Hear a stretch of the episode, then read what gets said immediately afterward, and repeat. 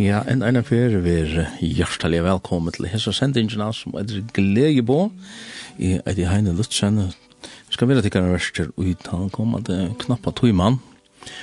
Glede på, ja. Det er et annet år for evangeliet, og jeg kan ikke få nok av tøy. Jeg tar oss om dette fantastiska.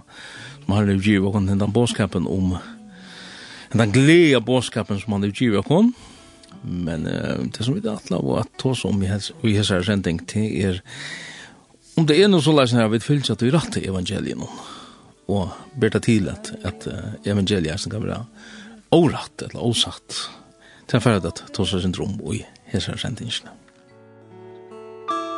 Og alt som møter meg Men en liv stund med Jesus. Og alt forendra seg. Ja. Ja, brøyting. Vi vil ha ha brøyting och jag kan liv. Jeg vet ikke hur det är tikkun men Jag märker så här snära till er Råpen jo i en tråan efter att det ska hända nekka radikalt, nekka djubetøkt, nekka som kan, nekka som få kristin luive, eller trunna, eller troar luive, eller kalla det hva du vilt, opp av et hagre støye, en vera brennande, kallar om hvert fire, og kunne vera som en vite som lyser, og vi er ganske, alt og ofte han er bare som en slaktervit, og etla som blinkar, ja. Jeg vet det skal blinka, sier du, men skal det være så langt i middelen, ljøsblinkene. Det er ganske kjørt det rett. Nei, evangeliet, det er det som gjør månen, og det er det som frelser dere. Og til som ganske er tryggvande at du, du hører Jesus til, det er en årsøk til det, det er at du hørte evangeliet. Du hørte den glede av åskapen, og Og så er det mange andre kanskje som, som jeg har hørt, det har hørt akkurat, men uh, er det nå gledebåndskaperen som, som det jeg har hørt? Og ja, kanskje for at det tar seg sinter om, om det. Vi kunne kanskje slå opp av Kolossebrau. Jeg har lyst synder i Kolossebrau nå nå i senest nå, og her stender her i kapittel 8. Kunne ganske tidsje fra øren de 21 for sammenhengen skilt. Eisen fikk hun som eina fyrir våre Gjord Fremmant og våre fudgjendar av sinna leg. Og i hinnon enda verskon. Tikkun hever han ta og Gjord sottar og i holdslika med hansara vi deianon. Fyre at fyrra tikkun fram, fyre asjonsøyna heile, luitaleis og ólastand så satt som tid vera verandi i utrun. Etla, vi kunde kanskje sagt treida av at tid vera verandi utrun. Grunnfest og fast. Og leta det kan ikkje vika fra vånene og i evangelien som tid av hårst som er prædika fri skapningen under himne kvart tænare er Paulus er i våren. Ja, det her uh, som han tåsar om her, uh, samband vi evangeliet, Paulus han uh, han tåsar flere stedene om det her at uh, det er ikke bare å si at et land er evangeliet og så kan man fylle ui som man vil. Nei, han tåsar om om andre evangeliet. Og det kom du ganske bare ved en tidsja et åren her ur Galaterbraunen i første kapitlet her kunne vi ganske tidsi fra Ørende Sex. han sier så leis når vi galatere mennar, jeg undrust av tid så skjøtt, Lett at ikon venta borste fra honom, det kallar jeg ikon. vi nå i Kristus her, til anna evangelium. som tog anki anna er, best er nekker som vilja, som vilja tikkon, og vilja rengsnikva evangelium Kristus her. Så i disse kjenting så kunne vi se at den spårningen fylltja vi til sanna evangelium. Til det finnes anna evangelium. Og i imenskon høpe, og det kan være alt mulig som, som røyner at, at lokka okkon bort fra til sanna bibelske evangelium. Evangeliet som, som Jesus heier evangeliet som Paulus prætikar. og evangeliet som vi leser alle vinner i jøknum. Men det viser seg at uh, det er så torrført til åkken at tryggveisen her. Det er vis, vi kunne eisen lese i middel andre i Hebrea brann og fyra, tvei, at, at uh, det snur seg om at her til det her evangeliet tilsyn vi trygg, det sier det her i, i året tvei, trygg var vi til her evangelien som, uh, som Jesus kom vi. Det som gav bådskapen, det er, um, etla, etla, hva er det for evangeliet som vi trygg var? Ørslitet, det er sast. Det hever konsekvenser i okkara løyvi om vi tvilja tog ratta evangelium eller ikke. Og Paulus, han, han nevner imes dømer om et her eh, at nekrar tar vilja koma gjennom bådskap om at oppnå frels og på, på imeske måte kanskje vi etter rattan med etla, etla ja, ut, uttala døven var det sånn de jødisk uh, læra som som uh, man skulle fylltja och ända nu av då er den där som vill jag komma åter till till Jotadomen så ja det är ju helt ligger da och og att att gnostisk evangelium stod stannar ju vi själva till Galatermännar det är ett slag av mysticism det blir et eller annet nej at det her det er ikke det som, som frelser oss. Og så her imesko messias figurerne som triner fram, enda av Jesus er døven og, og i Paulus er døven. Og ja, det er det samme som vi sier det. Det er ikke brøtt, det er det samme som kommer fram fer etter fer. Og så er det, en, en endefrøtt kristen, han ganske kan jøkken skoene, ikke av sin her, hese falslærerne. Um, og negga det er ganske så mye lengt ute at, at man, man kan avduka det. Men allukavall, det er fer gehør, det er nøkker som, som, som lurte etter det. Og det stender om at det seneste dømen som skal framfalle være størst. Nå skal jeg ikke sitte her for døma og si at det er alt det som, som ikke er etter munnen høyde, at det er, at det er englere, det er ikke det som jeg sier. Men hitja vidt, og i året godt, så sørger vi her at uh, det er nekka som eiter det sanne evangeliet, og det er merker at det skaiva, det falska, det vidlaian i evangeliet, er nekka som alla tøyina ligger og lurer. Særlig det slæget som infiltrerar det sanne evangeliet. Det vil si at du hever nekka av sannleika, og så hever du hessa, hetta falska, eller her, hessa lignina, etta anna evangeli som blanda seg oppi. Og tog, trobladjen vil ta at du veist ikke, dette kan si at det er helt om helt blanda av sånn og, og, og, og vidleiande. Du veist ikke hver parter er sanner og hver parter er vidleiande, man helder alltid satt da. Og till dømes att att hva skulle vi nevna som dømes så han det framgång där antron av den det här att at vi skulle være rik och vi skulle ha det gott og vi skulle hetta hytta att till till hetta det snur seg om och vi skulle bara ja det är avvis så sannlägger ut men verkligen han at det sanna evangeliet snurr om att dodja. Att dodja som av Kristus at, at lukka som han døy så dodja vid i fyrre.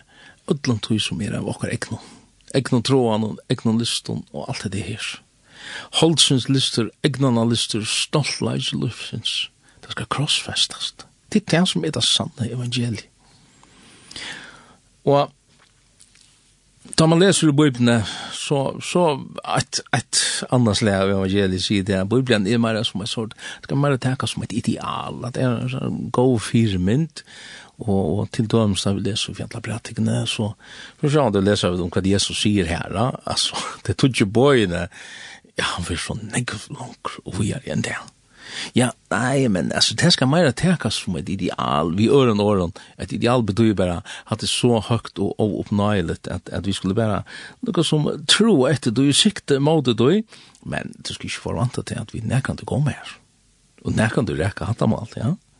Og ørsliti av tui er at hatt er hoksaner som bare appellerer til okkara kjøt, eller koma fra okkara kjøt, og satan brukar så til at ror okkon og en svøvn, tui, ja, ja, men hatt det her er bare så høgt ideal at jeg kan ikke bruka det nekka som helst. Og så bliva vi oeffektiv ampo i hans hånd, i stedet for å fære ut ved en radikal bådskapen som eitir dodge til Kristus, let han sleppa vera alt ut hun og liv, dodge i for ötlun til noen egna.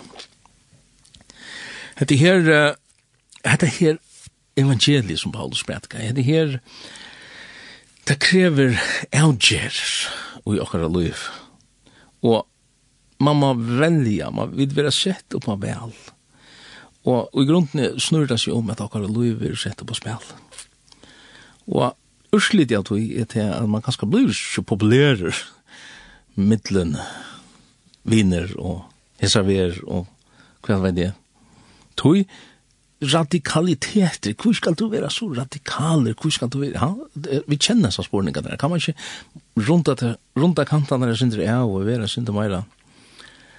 Og det gjør vi løyengar, så det kommer vi en slukon radikalen bådskapi, og Paulus selv, han opplevde det her, tøy at han, han er møtt Jesus. Jesus. Han er møtt sjálvan Kristus, ja, vennen til Damaskus. Så, så skapa i den ekko i hans høyre i urslid ved at han ble forfilter og Ja, ta må så må vinen og John, for skjer noen som han var en av de fremste i middelen, middelen tarra, det var jo tar som lov honom etter loven honom. Tog at han kom vid til sanna evangelien. Og Jeg vet at, at det her spurningen er hva er det god vil God vil hava okkon. Han vil hava okkon heil. Han vil hava okkon öll som vi er. At elskar God av hova og sval. Av hjärsta, sval og styrst. Av likam, sval og anda. Ja, men kunne vi til? Ja, men evangeliet snur seg just om det her. At han gjever okkon kraft til til ta ui vid bodja okkon og frasi okkon okkon sjálf. Så får vi nøy, så får vi kraft til at elska han. Vi da er inne i og hesson sendingen om at det er at gjenge i andan, og liv i andan. Og okkon tørver enn den her andan om hetta skal etnast og i okkara liv at evangeliet skal få ta kraft i okkara liv og sleppa gjerra til og i okkara liv som det er sett til. Og Paulus, han, han tåsar med seg her løyingarna som, som han opplever, og han tåsar om dette her, dette uppoffrande evangeliet, han tåsar med landa vi, vi um, Timotheus, hvis vi slå opp av, av Timotheus, Anna Timotheus er brev, kapittel 8, og i fra ørende, ja, vi kunne kanskje tidsje fra ørende 8, um, her han sier så lest nær, vi, uh, Timoteus skammes du ikkje vi vittnesboren om Herre okkara, eller vi med fenka hansara, men loj illt vi evangelien og i kraftgods, som frelst i okkon og kalla i okkon, vi heilom og kalla, ikkje etter verskon okkara, men etter tog som han sjolvor hei sett seg fyr, og etter nøyene som okkon var given og i Kristi Jesus fra evjen togjen, Men nu er våren åpenber, vi åpenbering frelsar okkar av Jesus Kristus, sala som gjør det deg til åndsjøs, og vi evangelien førte fram og ljøse liv og og forgåndelig leika, til at boa evangeliet er i esettor, prædikar, apostol og lærare heitningana. Tui lui er eisni hettar, men jeg skammest ikke ved det, Du, jeg vet hva jeg trykker vi har. Og jeg viser i at han er mentor at hver vet at det som er er lite oppi hender til henne det. Og vi kan lese hva jeg er her, men, men uh, dette er evangeliet. Ikke bare til at man får ut og tåser om Jesus, at uh, han kan uh, et eller annet. Ja, det er veldig tåsa evangeliske bådskaper på imenska måter. Men er det radikalt? Er det så leisner at at det er et annet evangelie som sier trygg av Jesus. Ja, men hva mest det? Jo, det er trygg at han er til. Det er å begynne ikke engang møte. Det er at, ja, det kan være så imest. Eller er det et radikalt evangelie som sier, Gjev til atlan som du erst, til din kong og din mestara. Hinn evangeliene, det kan appellera til, til okkara kjøtt. En sånn, um, en, en, en, en minne versjon, en, en lattari utgave. Og man er ofta i ho at, at vujja fra kampen og fra offren som det krevst, som heter evangeliet krevst. Hvor sier det? Jeg har akkurat lyset det her i Anna Timotheus er bra tvei. Her er Paulus tåsar just av hendan hatt. Han er kallet okkon okkene sett seg fire, etter nøyene som okkene given og i Kristi Jesus fra evig tøyen. Og dette her, dette evangeliet, dette er det sanne evangeliet, og jeg vet at at evangeliet blir utvaktna av, av imenskon grunden, typisk at tog at okkar holdt, det vil ikke hatt, det vil ikke gjeva seg helt. Det vil ikke gjeva seg fullkomlig iver til hansara som er Herren i vår ødel. Eh, vi kunne kanskje oppdea det her eh, som Paulus hever oppdea at eh, God, han, han vil ikke bare hava okkon at gjøre et eller annet, at vi bare begynner at, at uh, gjøre religiøse handlingar, altså, bare at det blir religiøsiteter i okkara livet, det er så øyelig latt. Djevelen, han, han vil få okken her. Hvis vi bare gjør så og sånn hvis vi bare, ja, det kan være at gjøre gode gjerninger, det kan være at, at genga, til at genga møte, eller, eller jeg og at, at bo evangeliet på enkla måte, men er det det sanne evangeliet som vi tar bo? At, at evangeliet som sier, det koster alt, at gjøre, at fylse herren etter, at gjøre seg helt, iver til ham, Då verleggen er at okkara holdslige natura, hon, hon vil ikke sleppa syn og alt. Men hvis vi skulle måtteka opprasnar liv, som vi har han, så må kjøtet sleppa syn og alt. Så må vi dodja saman med Kristus. Det er, ja, vi kunne bare lesa byrjanna av 4. 15, hvordan han penslar det ut hva det evangeliet er at Kristus døy for synder dere. Og, og så teker han at det ui at det er stendig om et her at vi skulle dødja, at vi skulle djeva honom alt som det er. Alt okkara liv skulle vi djeva ivet til hans herre, men okkara hold vil ikke til han. Og okkara hold er så klagt, om man så skal si, inspirera av herran i hans heime at leia kunne lokk okkur ut av et sujespår, så lesnar vi kunne få en lattar i utgave av det. Ja? Spurningen er, um, jeg kjenner meg sjalva ganske, at ofte han tar i mitt hold ikke vil gjøre seg, så, så får man heldre konsentrere seg om omkring teologiske bagateller, altså, ja, men det er hetta som er satt og, og nei, det skal skilja så leis, og ikke nei, ikke nei, for å gjøre meg helt i vitlaran kjenner du at det er etter? Man, man för at, for at, at døm och en annan til to lærer falskt eller to. Ja men er det noe til at det snurra seg om? Ja, så fyllt. Så var det til en parster av det. Er det er det er det reglära, men ofta det kan det ikke bare bli en en undanförsel. En undanförsel som sier at man får att gänga på noen detaljer, noen bagateller, noen slag, noen smalota. I stedet for å fokusere på det som hele anden bænt nu koncentrera seg om. Han setter fingren og og akkurat løy løyvi og spyr hva gjørst vi hattar? Hva er det du vilt? Vilt du gjøre det som holdt sier? Eller vilt du fylgja mer? Eh, det er nok så lagt at um, at gitla okkur mennesker vi er som Hvis du, hvis du atler at tenka okkur fra en som har så skal du bare komme i en slikpinn i et eller annet, omkron omkron gugga til å si at du skal få det her, ikke sant? Og, og, og, og medan de konsentrerer seg om det og, og jeg tenker nutja, så at det som de har finnes så konstatera hva, hva som er av leikon, bortsett fra at av et eller annet, hva det er verdt vil det teka.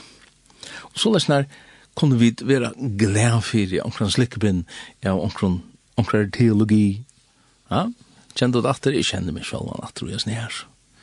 Og så lesnar, hever salarfudgjenden. Gjøpnen enda hetta gåa som vi hava klara at rant fra okon dyrgriper av ivergjeving til herran. Og hette her, hette her at konsentrera seg, at fokusera på Kristus. Hette her at at ja, vi kunne konsentrera oss om alt mulig at bli ruik, at bli kjent, at en, en sånn underlig utgave av hos riken, det skulle vit plötsligt vara, vara konkar i sin här og det skal være her og nu, og det skal være her og gjøre. Så lest läsnar kan okkar oppmerksomme vara tidsi bort fra okkar. Um, jeg har vi ho for å spille et le her. Um, det er godt du som sier det er nekka du er inspirera fra Keith Green, heter tankagengur fra honom. Særlig en bok som heter Cry in the Wilderness, med dem enn så utrolig vel. Og Keith Green, han hever et les som sier så lesnar, I want to be more like Jesus. Jesus.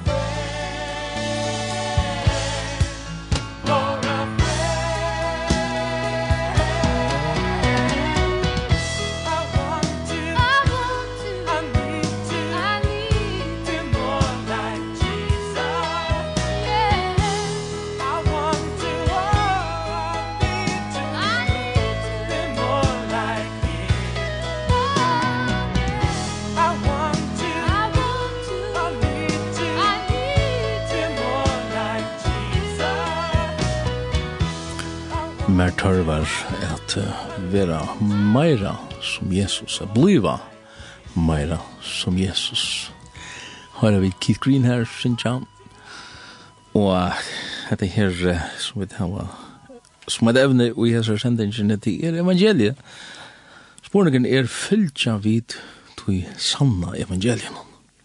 Til sanna gledebåskapen. Sporningen er uh, rester av Paulus og mengar ferer, mittel anna og i Galaterbraun og Lås og Diane, og jeg kunne ganske tidsje Sindu framan undan her som vi låser i Galaterbraun og eit og Jane fra ørende åtta, kunne du ganske bakka sindu atter her, Tui, uh, vi hava en avbyrd som mennesker at uh, festa ei okkar og det som god vi sett fram som evangeliet. Og ikkje leta okkon vika borste fra tog.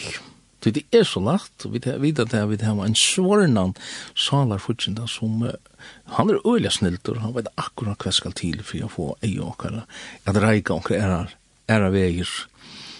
Han sier her, mitt Anna i Galatabran 1 fra Ørndi 8, men om så vidt etla angel av himle kunngjør tikkun anna evangelie enn det som vi har kunngjør tikkun.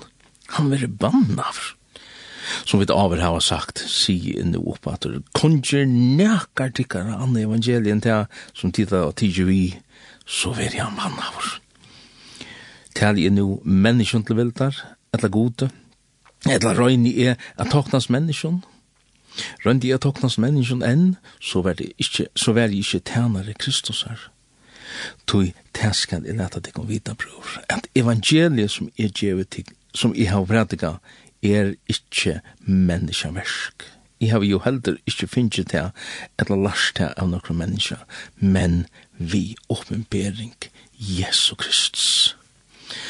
Og dette her, dette er evangeliet som Paulus fikk, og Og hva verst å lese så om Paulus, at han er møtt honom, møtt herren hon her, og ved noen til Damaskus, så, så stendet det at han får, og han var, han får ikke noen annan enn her som Jesus sendte han til, han var 14 år, tog da Jesus i at lære han evangeliet, hva det er snus jo om. Det var bra å granske den søven her, så det er at, at han kunne være teacher fra ödlan hisni her fariseiska som han jo var opplærd i. Og så koma inn og ta rætta vi, den sanna vi Og vi må seta okkur henta sporen, så hvordan kunne vi vera vois i at vi fylgja tui sanna evangelien. Ja? Vi kan lesa mitt landa til som han skriver i anna tema til seg brev, kapittel 2 i åren til 11 og visvitt. Vannan til hava i bøyblene her, så det kan så lesner at tid fylgja vi ut i som jeg sier her, og gjerra som sier her, tar i berøa som ikke bare tro det som, som ble sagt, men det er granska det sjálf, om det ikke var så lesner. Her stender her, uh, i andra Timotheus brev kapitel 2 i ørende 11, og det er troverst år, tog er vi deg vi hånden, skulle vi eisne liva vi hånden. Halda vi ut, skulle vi eisne rå vi hånden. Evnokta vi, skal han eisne evnokta okken. Og så kan du lesa nekka vi er her, om du vil ta. Men det her er tjenta snursjom, at vi som deg fra okken sjolvån, Det er jo det som deg i Kristus er snur seg om, er at vi dodja sama vi honom. Det var det som han sier her. Tu er vi deg vi honom. Stå her i ordet etlo, Og hva hvordan gjør vi det? Ja, det krever øyelig trygg. En trygg som vi ikke hava, men som vi få. Vi kunne få av nai herrans, hessa trunna. En trygg som gjør det at nu nyen er ikke er mine rattender. Ja? Tid er jo deg, og liv tikkara er fjallt ui vi Kristus, ui gode stender, ui kolossebraun og troi, ui ørende troi, eisne, ja. Det er ikke bare en, en teori, eller det her idealet som vi tar seg med Janne, som verleggen er bare det at, at, at det er færre åkne sånne. Nei, alltså man kan tänka det som ja en metafor en en ett eller annat och flotta. Nej, är er vi frälst er vid verlig frels, så merker det til er vid andlige er krossfest sama vi Kristus, vi er løgt og i grøvene sama vi Kristus, og tostane kan et, et nytt liv, Guds liv, være født i okken, og ta kan reise okken opp. Ja? Og, og, og hva, hver tog seg om jo, det er hjerteforhold, det er noe som henter inn i okken, Og det snur ikke om at jeg skifter min egna vilje ut vi Kristus har vilja. Jeg evigjever min vilja til god, og her vi blir at fylltja hans herre vilja vi mer. Er du her? Opplever du hatt der? Etla, ganske hevet du opplever det, men, men det er ganske blei for tors først, og, og, og du tøymer ikke mer. Du faktisk miste trunna oppa hattans leie av, av evangeliet. Nei, jeg, jeg spyr jo bare, jeg spyr jo ikke meg selv, na. Du, at uh, vi mennesker, vi er sånne venner mennesker, altså, vi, vi, vi vil jo gjerne gjøre et eller annet, men vi klarer ikke selv, og, og vi vil jo lukke som ordne akkurat kjøtt først, og, og, og det er det som vi tror jeg, vi og av det vil ikke klare, at ordne akkurat kjøtt først, så, så dropper vi det bare men det er ikke her det ligger og vi må komme til en nyrstav saman vi god, at at dodja saman vi honom mersi at vi missa öll rattender. Öll rattender til til det som vi sjálfa vilja, det som vi sjálfa halda okkon hava oppe vår. Ja, men hatt er órattvist, hatt er, ha? Og man kan seta en, en underlig spurning og spyrja, hei du nekkan i hårst om en deian som har ringt til sin advokat og sagt at, at nu skal du saksøkja han som hever brått til mine rattender. Nei, ein deir er deir, og ein deir hever ikke rattend. Ja, men er det så lest videre deir i Kristus? Ja, men hva er trust? trorst? Hva trorst du? Er vi tryggvande? Du tryggvande, en slik trygg, hon, hon er ikke grunn. Hon er ikke bare, ja, jeg har alltid bestemt det, og vi teker det fitta vi, og vi, vi teker det pena vi, og det er deilig, ja. Nei, vi misser rattender, da vi blir tryggvande. Hvordan er det? Jeg Jeg har jo ikke rettender som, som kristen. Du, jeg har givet mine rettender til min herre og min kong. Jeg er tjener i hans herre. Er vi der? Jeg vet ikke. Jeg spør. Jeg setter spørningen. Månande kan hesten her, etla slutspurningar, vet jeg nekko ui okkon. Her vi seta en spurning til okkon sjalvon. Er det her nekka som som bor i mer, etla fylgji einon falskon evangelium. Alla stendig her, og vi låser mitt land og Jani at om treida av, ja, minst vi, vi låser det her Jani, og i Kolosserbraunen 1, til treida, hette her som, som, som har en leir okkom til. Og vi kunne godt missa trunna på at her tar vi høyre, høyre evangeliet bore fram ganske på en slik måte. Et radikalt evangelie, et evangelie som kostar alt. Ja. Er det deir som av Kristus? Etla, er det så sånn at, at man røyner livet sammen vi om noen, ha? Så det er sånn at, at jeg lykkevel tror at alt kan, kan gjøre det som jeg har vi hod til. Ja Han vil ikke deila rom, han vil, han vil eie alt rom i okkon. Han vil heva hjarta okkon helt som det er. Han krever okkon halt. Han krever okkon atlan, öll som vi er. Og trobladjen kanskje er til at uh, vi vil ikke heva at det her slag av, av deg. Vi skudja handan krossen Vi liva, så som Paulus eisen sier det, som fudgjende kross Kristus er. Og han sier det vi tar henne. Det flest, og sier han, liva som fudgjende kross Kristus er. Hvor du, det kostar. Det kostar. Jeg fylgjer Jesus i etter. Men allukavalt så, så leser vi det her i kapittel 12, um, i, uh, nei, Anna Timotheus brev, tvei i ørende tolv, her låser vi det Diani om et her, at halda vi det ut, så skulle vi råa vi hånden. Av nokta vid, skal han eisne av nokta okkon. Halte ut, hva mener vi, halte ut? Jo, ta vi koma inn og hendan her vegen, så vil vi konfrontera vi okkon sjolvun og okkar egne avgjer og haltant. Og det er så lagt å komme til den nye støy at det er tog i mye mer. Det er, jeg skulle ikke si nok nå. Ha? Det krever nøye tid. Det krever nøye herrens å kunne fylgja honom etter til vi klarer det ikke sjálf. Det er evangelietid. Evangeliet sier, let han sleppa at eia alt som det er. Let han enda sleppa djeva, eller djera hette her nøye verset og jakon, er vi djeva okon fullt, fullt og halt. Skulle vi roas? det ställa oss där i ørende örndetal, va? Halda vi det ut skulle vi roa så samma. Det vil jeg jag gjerne, Vi vil gjerne slippe opp stemma, Vi vil gjerne slippe roa. Men vi er ikke ner. Det släppa vi det ikke, Utan er vi ger vakna helt. Du Herren, han signar versk, Han signar ikke okkara versk. Det er vi fer ut og roa og, og gjøre et eller annet. Nå skulle vi se sette tingene på plass. Det er vi ikke signa og hon. Han signar versk. Og tog er dette sendt så løsner.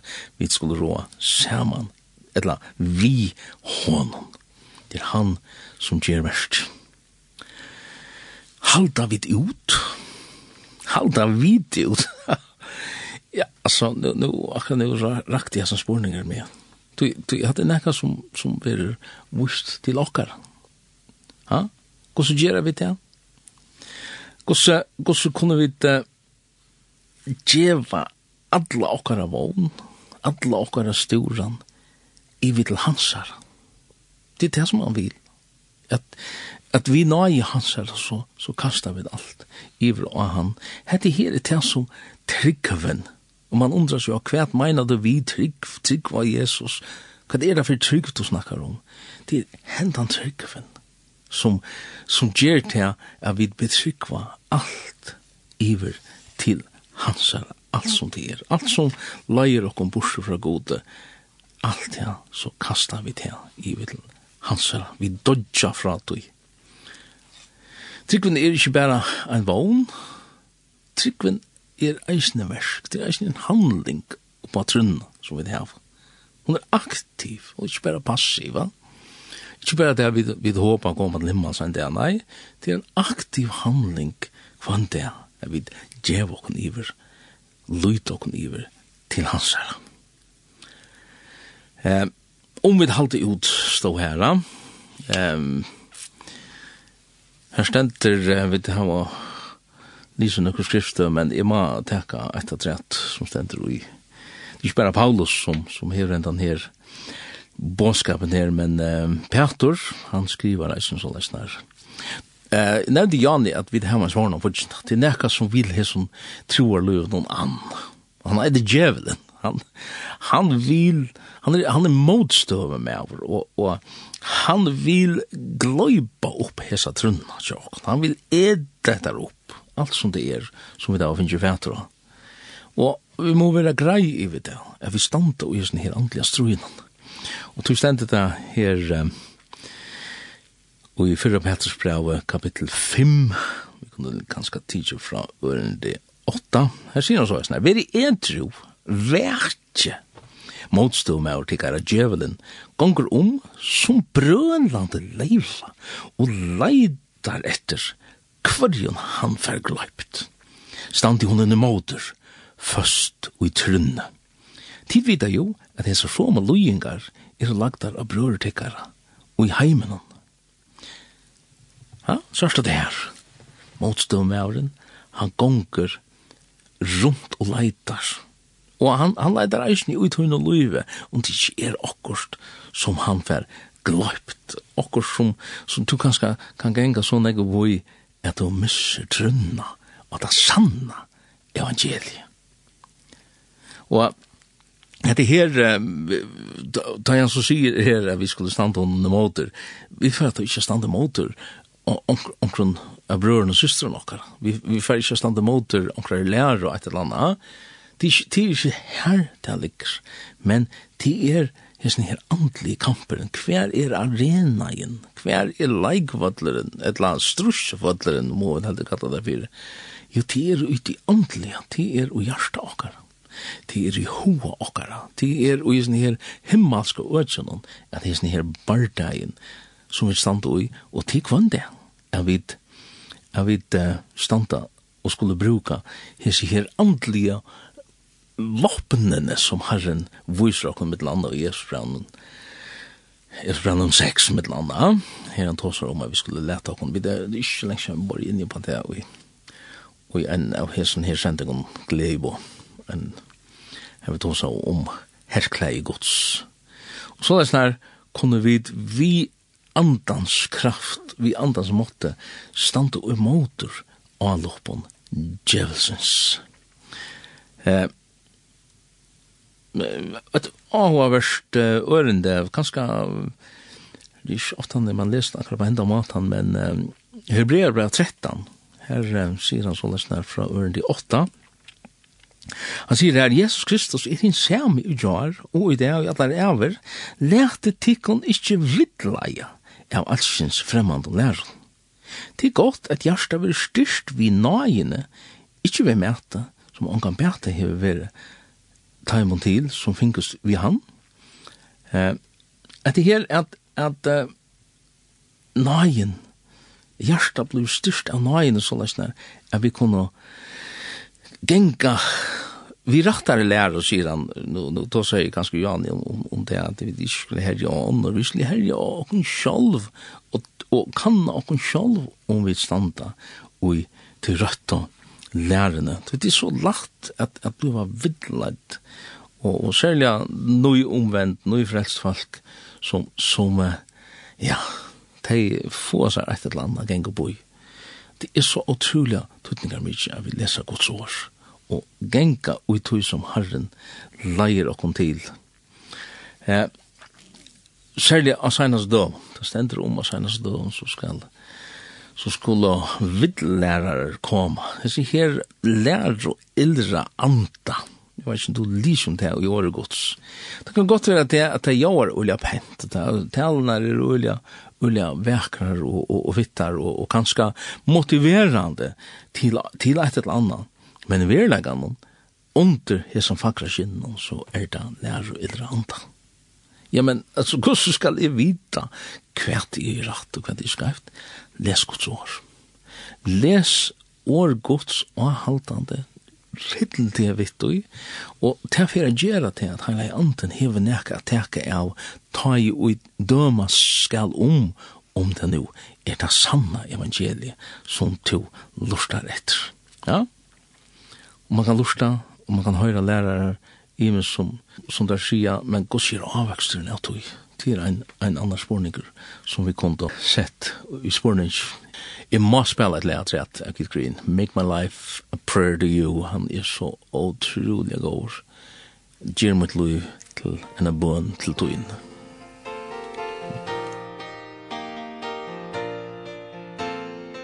Make my life a prayer to you. I wanna do what you want me to. No empty words and no white lies. No token prayers, no compromise. I want to shine the light you gave. Through your son you sent to save us From ourselves and our despair. It comforts me to know you're really there. Oh, I want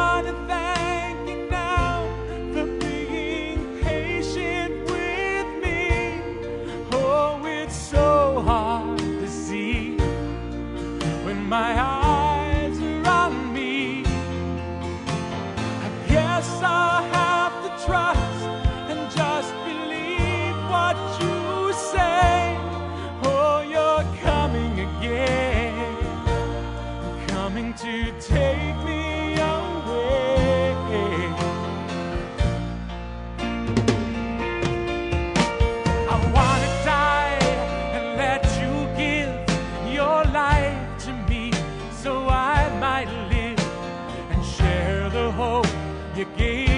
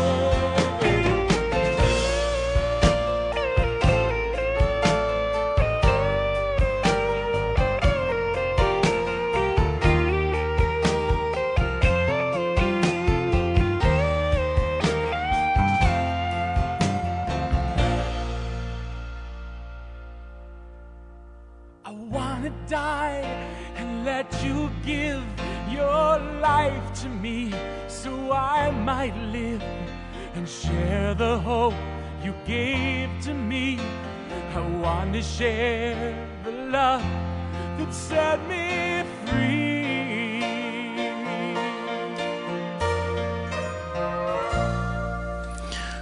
Utrolig flott sanger her Keith Green.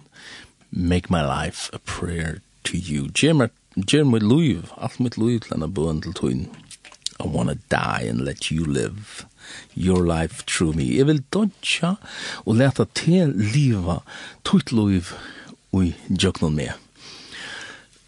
Høyre vet han den sangen her, sier Hetta Hette her, hette evangeliet, hette sanne evangeliet som vi tås om i hesar sendingene. Det er nego andre falske evangelier, men det sanne evangeliet, det kunne vi mitt landa lese om i Kolosserbraunen. nu har vi sitera flere fyrir i hessar sendingene ur Kolosserbraunen. Vi kunne tige ganske ur kapittel 3. Her igjen sier så lesnær, er tid ta oppreist vi Kristus. Og hvordan er vi oppreist vi Kristus i jo til at dodja saman vi honom. Ta vi der deg saman vi honom, ta tostane kunne vi bli oppreist saman vi honom. Og så sier han, Søkje så det som åma for er, altså det her himmelska, søkje det som åma for er, her Kristus sitter, vi har grand gods, traje etter tog som åma for er, ikkje etter tog som gjøren er. Tid er jo deg, og lovtikkara er fjallt, vi Kristus ui god. Og da Kristus loiv ok Liv okkara åpenberast, skulle eisen tid åpenberast vi honom ui dord. Og så hører vi er i Kolossebraun 5, Kolossebraun tror jeg her at jeg tås om kvæt, og jeg ligger ui hesten her evangelien som han tåsar om her, at de hinner gjør skulle limnar, silas jo, og regnskog, og alt det, an. Og at det her, at det er lukka som frukter av hesen evangelien som vi høyre her, og ta i vi strujas, man, man kan sida så leisne, hev du tro på leikare av at drepa der gjør sko limenar og troaninar. Ja, ja, jeg er tisja en, en, en forstreit for jeg vera menneska, jeg tir andre på. Tapet du ut i strujnum, og det er så leisne, så er det ganske tog at du ikke fullt ut livet det sanne evangeliet. Det sanne evangeliet som eiter at dodja sama vi Kristus, at djeva seg alt sama vi hon. At djeva avkall på det som hesen heimur bjóar av trygt og av æro og av av nøgtsemi og, og hva det er. Og til så læsna, dette her er hotteren, maten som vi kunne sutja om vi fylgja tog sanna evangelien, eller ikke. Du, det sanne evangeliet, det er bjauar okkon, alla dugina. Det er bjauar okkon av, just ui hesni her personlige vetsjonen, ui samband vi okkara kjød. Og okkara kjød, det er, det er krimpa seg, det er, det er, det er vil ikke hattar. Ja? Og djevelen, det er ordet Jan, han, han lever av just av hesni her veikleikonen ui okkara liv. Og vi kan ska da vi, vi tar så en slukka, slukt evangeliet som heter så komma andre kristen og, og ganske et eller annet drikkvandig og sier kanskje ikke ta seg, kanskje ikke dempa det her er sinter kanskje pjøs det være så radikaler kanskje ikke finne sinter fittare og minne radikale måter å fylse Jesus i ba er det det? Ja, hvis det er det så er spurningen, så blir spurningen til sin sett vi, er det det sanne evangeliet? Det er det sanne evangeliet, det er radikalt, og det er avbjørn åkken evangeliet har brøyder okken. Det er sanne evangeliet brøyder okken. Og hvordan er det ut av liv? Er du brøyder ut av liv? Føler du til at det er nek ut av liv som, som kanskje kommer opp atter. Kanskje enda ting som, som du har sikra før, som du har i kontrolla, men det kom opp atter. Hvor? Ganske tog at evangeliet ble utvattnet. Ganska tog at du bøgte av onkelstene og i tunn radikalitet da det kjem til evangeliet Kristus her. Han, Jesus, han, han vil at vi skulle bli avvokst og jeg akkurat liv. Han vil at vi skulle være såleis som han er. Og det krever underverk, det krever uh, ivenaturlig underverk at underverk er nekka som som ikke gjemmer at du som vi gjør. Men tryggva vi til her, at han er mentor a skapa etter underverk i okra liv, at leta hansara liv, hansara vero liva og jokna okra liv, det ber til, men det treita. Det treita er av at vi gjev okon i vid landsara fullt og heilt at vi fylltja hans nir sanna radikale evangelien. Ikke bare til at uh, man kommer vi en evan evangelie som ja, du ganske hever hårst i mska måter gosse evangelie vil, vil bo, men jeg, vånande så, så kan du lusta etter hans nir hans evangelien, du heter her i det sanna evangelie som, som vi tar seg om, det som avverskar allt okkara liv, det som leir okkon halt ui hjärsta djupi ui okkar liv. Det er det sanne evangeliet. Han vil ikke bare kela sinter og, og, og, og bare komme inn og, og være en god kjensla i okkar liv. Han vil så nek meir inn det. Og han sier, det er lojing. Men han lovar at loja vid saman vi honom, så skulle vi dessen roa saman vi honom. Og det er et kall som tog først, tog først etter kallet, og i har sending eisen, så høyrer du etter her år Kristusar, som kommer til døgn, som kallar det ut ur hessar vers, som kallar det at djeva det atlan som du erst til hans her, så det er sånn hans her nøye, hans her nøye versk, kan skapa hette her nudja luive, opprasna luive, og i tønne luive. Og jeg vet at uh, vi er og, ja, jeg var også ganske full av det, at det rikker, men alt og ofte, så rikker det ikke, og det blir ångte til at vi misser trunnet på det. Longer, longer kanskje vi gikk etter som vennom, og vi kjenner oss selv mer og mer, vi kommer til disse gamle vennene og gjør det livet. Nei, Herren, han ser hjertet ut, og han ser troen til henne, etter at livet helt fyrir han. Og han er et slukt neieråp som kan stå opp utan i hjertet. Her du vir kjenner at jeg kan ikke sjálf. Jeg klarer at jeg ikke sjálf. Kom til og gjer verste og i munne liv. Dette er det sanne evangeliet. Dette er evangeliet Jesu Kristus. Så vanande så har du finnes nekka bort ur hesare sendingene og Vånande så kan du uh, legge deg der hjärsta og færre granske årgods, færre og les hva du hva de året sier om det her sånn evangeliet. Og i hesson her åren så færre at takk for at du vil til lorsta, du kan lorsta inne fra treat, etla, om du ikke har det alle sendingene, så kan du lorsta til stein klokka antur som du reit, etla mye natt, om midnatt, etla du vært inn heima svina, tja linden, linden.fo, at lorsta her. Her. Og vi har sånn åren så sier jeg tusen takk for meg. Takk for meg.